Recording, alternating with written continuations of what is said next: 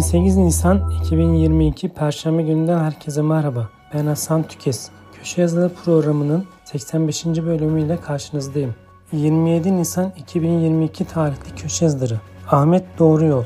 İşçi mi olmak isterseniz memur mu? Bülent Çetin. Yatan hastada tıbbi malzeme kullanımı. Tıbbi malzemenin hasta tarafından temin edilmesi. Didem Eryar Ünlü.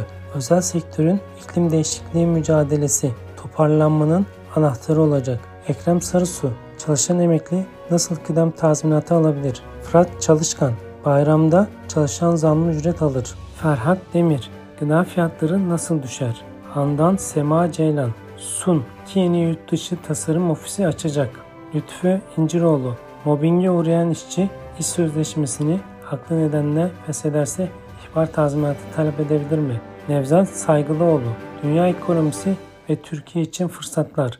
İsa Karakaş, 10 yıllık hizmetle adi malüllük maaşına hak kazanma şartları. Musa Albayrak, idari para cezalarında fiilin işlendiği tarih. Musa Çakmakçı, pandemi ücretsiz izne çıkıp 6 aydan fazla süreyle işten uzak kalanlara tekrar işe başlatılmadan önce iş sağlığı ve güvenliği bilgi yenileme eğitimi vermeyi unutmayın. Noyan Doğan, 10 soruda bayram ikramiyesi. Osman Arolat, kadın emeğinin değerini anlamak. Recep Bıyık, maaşların kurum kazancından indirimine ilişkin birkaç hatırlatma. Volkan Akı, perakendede dijital dönüşüm.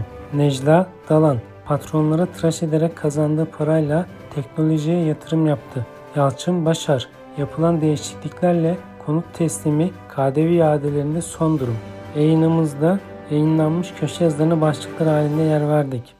Köşe yazılarının detaylarına SGK 4.0 e-posta bültenimiz üzerinden ulaşabilirsiniz. SGK 4.0 radyoyu takip etmeyi ve beğenmeyi unutmayın. Bir sonraki yayında görüşmek üzere.